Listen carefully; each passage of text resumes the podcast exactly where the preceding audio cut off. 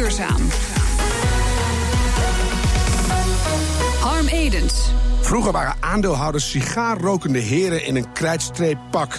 Nu zijn het koene ridders die ten strijde trekken om hun bedrijf klimaatneutraal te laten produceren. Tenminste, soms. Paul Koster, directeur van de Vereniging van Effectenbezitters, welkom. Jullie vertegenwoordigen ruim 45.000 aandeelhouders. Hoeveel procent daarvan is actief bezig met duurzaamheid, denk je? Nou, vrij veel. Ik kan niet een exact percentage noemen. Maar we weten dat het enorm leeft. Maar de, een, een, gok, is dat de helft of is dat 10 procent en het groeit? Ik, denk 10, 15 procent waar die echt actief meedenken. Mm En is het al lang gaande of is het van de recente datum? Nee, het begint de laatste jaren steeds meer toe te nemen vanwege de enorme belangstelling. Ja, want het, het, komt steeds weer op de agenda. Heb jij inzicht in de drijfveren van die aandeelhouders? Het, is het idealisme, zoals bijvoorbeeld bij Shell, want daar had je de club Follow This. Ja.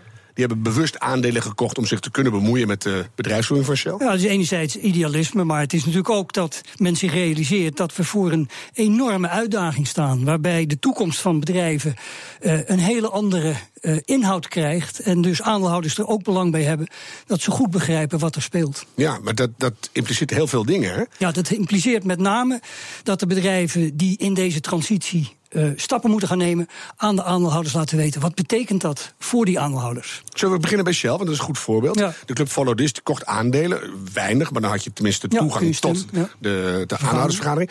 Um, hoe transparant moet je als Shell dan zijn, of juist niet, om zo'n zo'n club te omarmen of juist buiten de deur te houden? Nou, ik denk dat Shell op zich redelijk transparant is. Als je het vergelijkt met bijvoorbeeld een Exxon, die ook in Amerika recentelijk werd uh, getikt op de vingers vanwege de beperkte toelichting die ze gaf aan aandeelhouders. Het kan altijd beter. Ik denk dat we echt staan voor een uh, issue wat de financiële markten de komende 10 tot 20 jaar enorm zal bezighouden.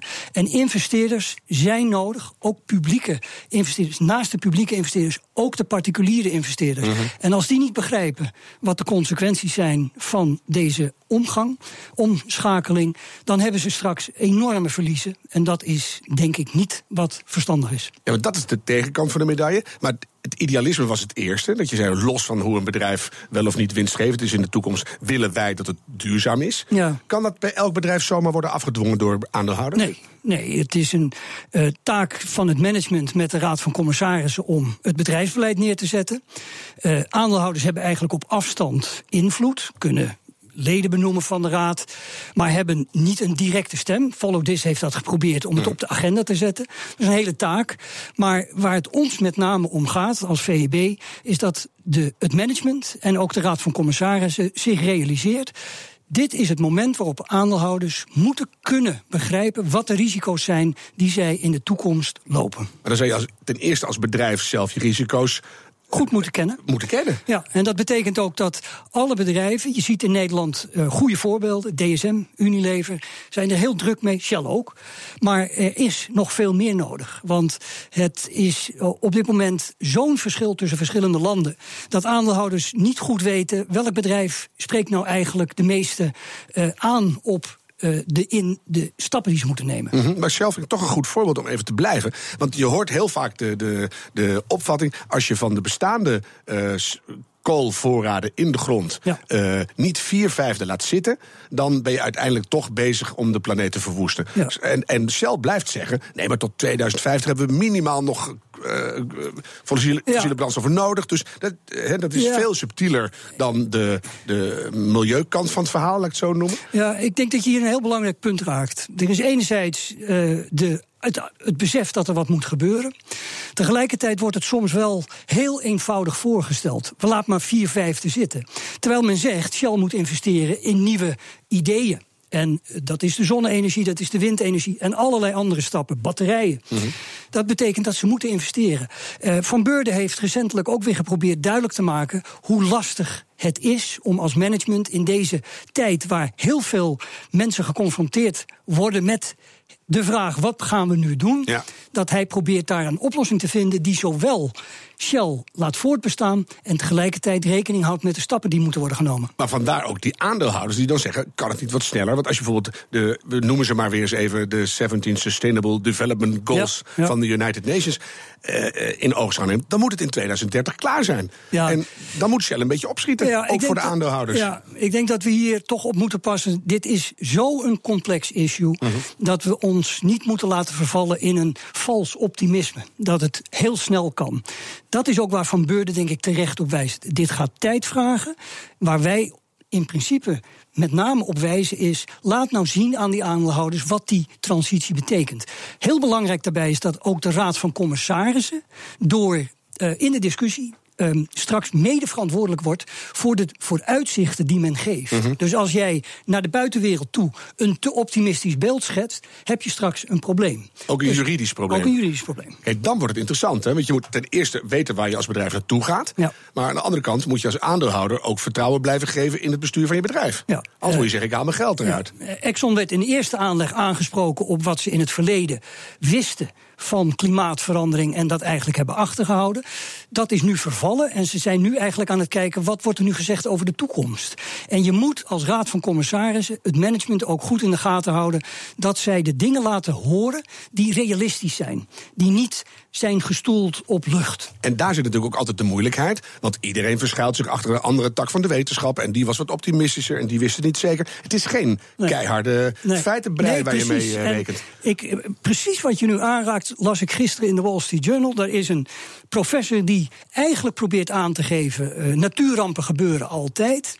Dat is niet alleen maar de oorzaak van de klimaatverandering. Daar ga je al. Zoals jij nu ook, ja, zeggen, ja. ja, maar tegelijkertijd legt hij uh, iets bloot waar ook over nagedacht moet worden. Het is niet alleen maar door de klimaatverandering. En men heeft hem eigenlijk uitgestoten en mag niet meer meediscussiëren. Ik vind dat we daarvoor moeten oppassen. Ja, aan de andere kant hebben we altijd die klimaatceptici. En uh, Trump is er weer een, een, een, mooie nieuwe tak aan de, aan de boom van. Die het tot heel lang voor het zeggen hebben gehad. Ja, Trump heeft al zoveel gezegd waar hij eigenlijk langzaam aan uh, op terugkomt.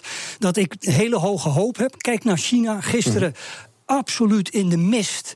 Je kijkt naar de serie The Crown en je ziet daar de mist in 1952 in Londen. Nu is het in Beijing. Het kan niet anders dan dat er stappen moeten worden genomen. En sneller, denk ik. Vraag deze tijd om een nieuw aandeelhouderschap. Is dat wat jullie nou, concreet ook aan het bewerkstelligen zijn? Dat is wat wij proberen uh, langzaam, waarbij we primair focussen op wat is voor die aandeelhouder nu belangrijk. Mhm. En daar zullen niet alleen de aandeelhouders een rol moeten spelen, maar ook de standaardzetters voor de accounting standards, de boekhoudregels. Je zult moeten laten zien hoe je reserves in de toekomst moet gaan waarderen. Op jouw punt van vier vijfde moet misschien in de grond blijven. Dat zou geweldige consequenties hebben. De totale exposure van deze hele materie bedraagt naar sommige schattingen meer dan 40 biljoen. Ja de totale beurswaarde, om je even te helpen, van de New York Stock Exchange is 25 biljoen. Ik zie toch een hele duidelijke verhouding. Dus het, zou, het zou moeten kunnen. Nee, maar ik zou zo benieuwd zijn of je zegt van uh, een modern aandeelhouderschap heeft ook een soort uh, morele verantwoordelijkheid. Je kan niet zomaar je geld meer in een bedrijf donderen. Je moet ook echt actief nou, kijken dat gebeurt al. wat ermee gebeurt. Dat, dat is al duidelijk waarneembaar. Mhm. Maar er zijn ook verplichtingen naar de pensioen uh, houder dat er dividend komt. Dus we moeten realistisch zijn en ook reëel naar wat we verwachten van het bedrijf. Mm Enerzijds moet een bedrijf eh, winst maken om ook dividend te kunnen uitkeren, waardoor de pensioenhouder ook uh, voordelen heeft. Tegelijkertijd moet dit bedrijf zich nu gaan richten op de maatregelen. En zou het kunnen dat door actieve aandeelhouders de boel toch lekker versnelt, denk dat, ik? Dat gebeurt, maar het gebeurt nog te weinig. En daar gaan we op door. Daar gaan we op door. Paul Koster van de Vereniging van Effectenbezitters. BNR Nieuwsradio. BNR Duurzaam. U kent ze vast nog wel, Floris en Ivar, zwervend over de wereldzeeën.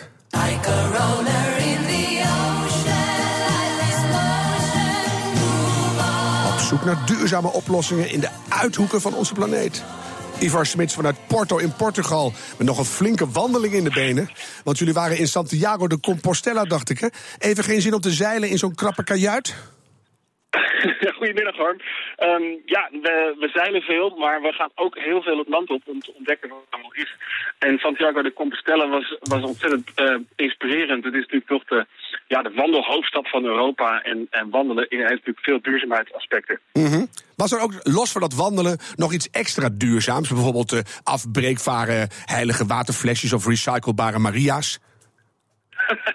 nou, die hebben we niet gezien. Uh, veel wandelaars hebben wel een dopper of een ander duurzaam waterflesje. En daarnaast is, is het natuurlijk uh, wandelaars zijn kampioen ontspullen. Want elke kilo die je in je rugzak stopt, ja, die moet je toch ook weer zelf meedragen de hele tijd. Ja, merkt u dat ook, dat dat een onderwerp was? Dat mensen zeiden, ik heb zo lekker gewandeld met weinig spullen. Ik wandel op weg naar een betere wereld. Ik heb uh, zingeving hoog in het vaandel.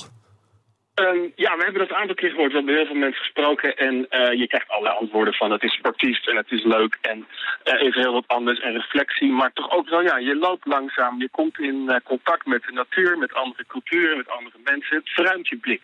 Ja, jullie zijn nou een half jaar zeilend onderweg. Als je nu even terugkijkt, hè, die hele tocht via Engeland en Spanje en Zweden, Denemarken, Duitsland. Wat is jullie meest duurzame les tot nu toe? Ja, er is te veel om op te noemen. Het is heel moeilijk om er eentje uit te kiezen. We hebben tot nu toe 15 duurzame oplossingen bezocht, zowel op milieu als uh, sociaal gebied. En het is zo fantastisch om te zien wat er gewoon al, al werkt. Ik zal een paar voorbeelden noemen. Uh, duurzame energie in Scandinavië. En Denemarken is heel ver met wind. Noorwegen draait volledig op waterkracht. In Schotland zijn ze met golven- en getijdenenergie heel ver. Mm -hmm. um, duurzame huizen bestaan ook al in, in Vindhoorn, onder andere in uh, Totnes. Ja, je kan al duurzaam eten met uh, permacultuur, zelfs op een Zweeds rotseiland. Er is gemeenschapslandbouw, er is verpakkingsvrije supermarkt. Uh, en, Alles en, nog wat. Harm, ja. ja, heel veel van die goede duurzaamheidsinitiatieven... Uh, die worden op lokaal niveau opgepakt. Um, bijvoorbeeld uh, op, op stadsniveau als Kopenhagen... waar ze die, ja, die klimaatambities voor 2015 hebben gedefinieerd... Mm -hmm. en, en, heel hard aan, het weg zijn om dat te realiseren. tot aan die Transition Town-beweging die in Engeland begon... en inmiddels ook al heel erg uh, internationaal gedragen wordt. Ja, dus kleine dingen die nu groot moeten groeien. Ik ben heel benieuwd wat Porto jullie te bieden heeft. Ik spreek jou over twee weken weer. Ivar Smits van de Centers for Sustainability. Straks in BNR Duurzaam. Wat is de link tussen het leegstaande Paleis Soesdijk en een missie naar Mars? BNR Nieuwsradio. BNR Duurzaam. Van een défilé-paradijs op 30 april naar een eco-paradijs voor ons allemaal. Dat is het plan van Eden Soesdijk, een stichting die het koninklijke landgoed wil overnemen om daar duurzaamheid praktisch te vertalen voor het grote publiek. Anton Valk is de man achter dit, ik mag wel zeggen, knotsgekke plan. Anton, wat willen jullie precies laten zien aan het grote publiek? De, de achtergrond zijn, zijn de 17 duurzaamheidsdoelstellingen. Mm -hmm. Die willen we door het bijeenbrengen van natuur, cultuur en wetenschap op zo'n manier vertalen dat bezoekers dat op heel bijzondere wijze beleven zich daar ook van bewust worden. En dan eigenlijk wat we heel erg graag willen, is dat ze ook actie gaan ondernemen. Ah, dus ook met handelingsperspectief. Zo is dat heel mooi gezegd. Zo ja. moet dat. Maar dan kijk ik op jullie site, dan zie ik natuurlijk het, het oude vertrouwde Soesdijk liggen. Ja. Witter dan wit, in een prachtige tuin. En dan een stukje verderop, achter in de tuin, een enorme ecodoom. Daar gaat iets gebeuren. Uh, ja, het, ga, het, gaat ook wat in het paleis gebeuren. Je moet eigenlijk drie dingen moet je, moet je nemen. Het paleis, dat, is, dat heeft heel veel achterstallig onderhoud. staat natuurlijk al heel erg lang leeg. Uh, dat moet gerestaureerd worden. Zullen we ook restaureren. Het paleis heeft twee kenmerken. Ze hebben het, centrum van het paleis, het Corps de Logis heet dat het oude, oude deel, prachtige kamers, wordt gerestaureerd. Mm -hmm. Daar willen we ook uh, organisaties op het gebied van duurzaamheid een plaats geven om elkaar te ontmoeten of publiek te ontmoeten. In de vleugels van het paleis willen we, uh, willen we expositiekamers maken. Heel veel kamers. Maar de beroemde Bernard-vleugel en de Juliana-vleugel. Ja, die vleugels. En daar, moeten, daar komen dan de, uh, de expositieruimtes, expositiekamers, wonderkamers zou je dat kunnen noemen. Waar we op hele creatieve en, en bijzondere manier de thema's van duurzaamheid, de 17 uh, thema's, willen laten beleven en laten zien. Er zit een heel sterk component van educatie in. En daar, dat kan je daar natuurlijk heel erg goed doen. Daar komen ook educatieve ruimtes bij. Kan je een voorbeeld noemen van wat je dan wil laten zien? Want nou, bijvoorbeeld uh, honger, honger, in de wereld, ja, dat is niet zo heel leuk om naar te kijken. Nee, maar dat, je, je moet dat op een positieve manier vertalen. Je kan voeding in de wereld kan je op een positieve uh, ja. manier vertalen. Je -hmm. kan klimaat ook op een positieve manier vertalen. Wat kan je eraan doen? Het gaat erom hoe kunnen mensen daar wat aan doen. Het moet niet, niet saai worden en ook zeker niet heel erg beangstigend worden. Het moet ook iets geven van hoop perspectief naar de toekomst toe. Met name voor jeugd, hè, want die houden niet zo van die, van die nare boodschappen. Maar juist iets met hoop, dat doet het goed. Ja, we richten ons heel erg op jeugd, op jongeren. We zijn in gesprek met ROC's, met regionale opleidingscentra, uh, met MBO-opleidingen, VMBO-opleidingen, HBO-opleidingen. Mhm. Omdat we eigenlijk heel erg veel stageplaatsen willen hebben. En ook echt willen dat daar heel veel jongeren ook iets beleven en niet missen hoe belangrijk het is om met duurzaamheid bezig te zijn. Nou, mis ik nog wat er achter in die tuin ja, komt. Ja, dat komt. Dat is nummer twee en nummer drie.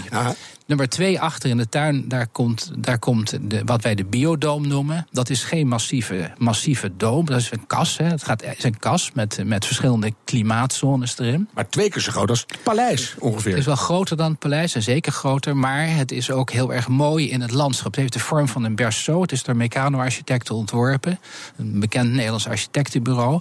En het heeft de vorm van een berceau. Dat is dus eigenlijk een, een, soort, ja, een soort grote gang door het bos heen. Mhm. En past prachtig in het, in de natuur. En in die, uh, in die kas maken we uh, biotopen, maken we landschapbiotopen. En dat doen we niet om gewoon een landschap te maken, maar dat doen we om thema's van duurzaamheid ook echt te laten beleven. Mm nou, daar kan je voorbeelden van noemen natuurlijk. En een van de voorbeelden is bijvoorbeeld een regenwoud. Het regenwoud staat voor diversiteit, biodiversiteit. Ja, biodiversiteit, belangrijk thema. En je kan een regenwoud natuurlijk prachtig gebruiken om thema's van biodiversiteit te laten beleven. En dan hopen jullie dat als de jeugd en het ROC en, en HBO-publiek daar doorheen trekt, dat ze dan denken: ja, het Amazonewoud en het Indonesische woud, dat moet behouden blijven. Precies, dat wil je dat doen. En, dan, en dat je ook die bedreiging ziet. Mhm. Maar een andere bijvoorbeeld, wat, waar, waar, waar, waar je ook mee begon, is, is het mar, Marslandschap. We zijn in gesprek met, eh, met de European Space Agency, met, eh, met het Melissa-project, een project, groot project wat ze doen uh, in Europa, om te zorgen dat astronauten niet alleen naar Mars kunnen, maar ook weer terug kunnen naar aarde. Vind ik wel een fijn idee ook. Ja. Dat is een goed idee. Nou, Ga je uiteindelijk ook lanceringen doen vanuit Soestdijk? dat doen we niet, die worden vanuit Guyana gedaan. Maar wat, wat, je, wat daarbij speelt is natuurlijk, is natuurlijk circulariteit. Je, moet, je kan maar 80 kilo of 90 kilo meenemen per persoon. Dat betekent dat je circulair moet zijn. Dat doe je voor een Marsmissie, maar de European Space Agency en het Melissa-project proberen dat ook te vertalen naar toepassing op aarde. Mooi. En, en nummer drie? Nummer drie is iets met uh, hebben we een poollandschap hebben we bedacht. En of dat uitvoerbaar is, moeten we nog zien. Maar in principe hebben we dat bedacht, waarbij we dan klimaat willen laten zien. Wat betekent klimaat? Wat, wat betekent dat? Hoe werkt dat? Wat, wat kan er ook aan gedaan worden? Mhm. En waarom moet het allemaal op Soesdijk. Want je zou zeggen, doe het lekker bij het Evoluon of in het Nimo in Amsterdam, maar dan virtueel. Jullie zeggen specifiek, we hebben een paleis nodig. Nee, we hebben niet specifiek een paleis nodig. Maar uh, het uh, landgoed Soesdijk is een prachtig landgoed. Um, er wordt daar wordt een toepassing voor gevonden, er moet iets mee gebeuren. Mhm. En we vinden dat het zo, de historie is zo mooi, de historie is zo bijzonder, dat er eigenlijk een nieuwe bladzijde moet worden toegevoegd. En dat het dus niet gewoon een pretpark moet zijn, of dat er iets eenvoudigs moet komen. Maar dat is zo'n mooie. park niet natuurlijk. Nee, nee absoluut niet. Maar, maar... Uh, meneer Valk, mag ik Anton zeggen. Zou het niet veel mooier zijn om van Soestdijk gewoon een prachtig museum te maken voor Juliana, onze vorstin? Want die heeft het de laatste tijd toch al niet zo makkelijk. Uh, er is al een, eh, een, een museum voor Juliana, onze vorstin, maar voor het Koningshuis. En het hm. museum is het Lo. Dat is waar. En daarom is er al, er is een museum van, van, de, van, van het Koninklijk Huis. Dat is een prachtig museum. En er is eigenlijk geen ruimte om daarnaast nog een nieuw museum te maken op Soesdijk. Want dan moet je Huis ten Bos later ook weer bewaren... en uiteindelijk moet je alles bewaren. Nou ja, er is, er is gewoon, ja, kan, wil het wel bewaren. En we willen ook wel de, de ruimtes, de mooie ruimtes... de koninklijke ruimtes, zullen ook een museale toepassing in willen doen. Zodat, oh, dat kan heel goed. Ja, dat kan, oh, en, dat kan er altijd bij. Hoeveel gaat het kosten? We, hebben geen, we zeggen niets over de kosten. Maar een ideetje nee, gewoon. dat doen we niet. Geen want we zitten, we zitten, midden in een competitie. Ja. ik heb wel een flauwe notie van natuurlijk. Maar ik, we hebben afgesproken dat we daar niets over zullen maar zeggen. Maar zo'n ecodoom, dan zit je toch al gauw op een slordige 120 miljoen... zat ik zo op een bierveeltje te becalculeren. Zit ik in de buurt? Nee. ik heb geen idee. goed geprobeerd in ieder geval. Ja, vind je niet? En, nou, nou zitten jullie in de laatste ronde, je zei het al. Er zijn nog drie gegadigden. Wat moet er gebeuren? Willen jullie het echt mogen gaan doen? Nou, voor ons is het gewoon, uiteindelijk is het een bod waar we nu maar uitbrengen. We hebben ons plannen ingeleverd en dat is, eh, dat is eh, door het Rijksvastgoedbedrijf als, als goed beoordeeld. Mhm. Uh, we moeten een bod uitbrengen. Uh, wij zijn een goede doelenorganisatie, een charity-organisatie. We zijn dus geen investeerder of een commerciële organisatie. Dat vinden we ook heel belangrijk voor het paleis. Want dat betekent dat alles wat wij investeren, dat het ook echt op het landgoed blijft en dus niet wegloopt. Het kan dus niet verkocht worden. Het blijft van iedereen. Uh, en wij zullen gewoon voldoende geld bij elkaar moeten krijgen om dat bod uit te kunnen brengen. En, en jullie geven heel veel hoop, en dat vind ik mooi. Anton Valk van Ede Soesdijk, dankjewel. De minuut van de waarheid. Schimmels en bacteriën en ander in de bodem actieve creatures worden actiever als gevolg van de opwarming van de aarde. Dat lijkt leuk, maar als die uh, pech ook uh, naar een hogere CO2-uitstoot gaat leiden, dan wordt het toch wat minder. Redacteur Maria Punch zocht het precies uit. Dus als je, als je gaat opwarmen, dan worden vooral bacteriën die worden actiever, die gaan harder werken en die gaan meer eten en, uh, en die consumeren meer, uh, meer koolstof uit die bodem. Dat zegt Co van Huissteden van de Vrije Universiteit, die als universitair hoofddocent zelf onderzoek doet naar de koolstofcyclus. Doordat bacteriën actiever worden, zullen ze inderdaad meer CO2 gaan uitstoten, zegt hij. En vooral uit, uit hoge noordelijke gebieden waar het nu nog relatief koud is en daardoor die koolstof in de bodem goed geconserveerd blijft. Als je dat gaat opwarmen, dan komt er heel veel vrij. De onderzoekers stellen dat al die krioelende bodemorganismen rond 2050 voor 12 tot 17 procent extra CO2-uitstoot kunnen zorgen. In totaal stoten ze dan net zoveel uit als de Verenigde Staten. Op het eerste gezicht is dat zeker aannemelijk. Want eh, als je laboratoriumexperimenten doet met organische stof uit de bodem... je brengt dus een stukje bodem in het lab, lab en je gaat dat, uh, je gaat dat opwarmen dan gaat inderdaad die CO2-emissie omhoog. Maar klopt daarmee de claim van de onderzoekers? Ik heb gekeken naar die cijfers die de, die de auteurs noemen. Nou, er zitten natuurlijk onzekerheden aan. Die bespreken ze ook uitgebreid. En uh, ze, komen, ze komen dan op een getal. En als je dat omrekent, dan kom je inderdaad op de emissie van de Verenigde Staten per jaar. Dat bacteriën gaan bijdragen aan de opwarming van de aarde, dat is dus helemaal waar. Brrr, daar krijg je toch weer een beetje koud van. Straks staat hier Petra Grijze met BNR Spitsuur. Ik zeg, hou hoop en doe het duurzaam. Tot volgende week.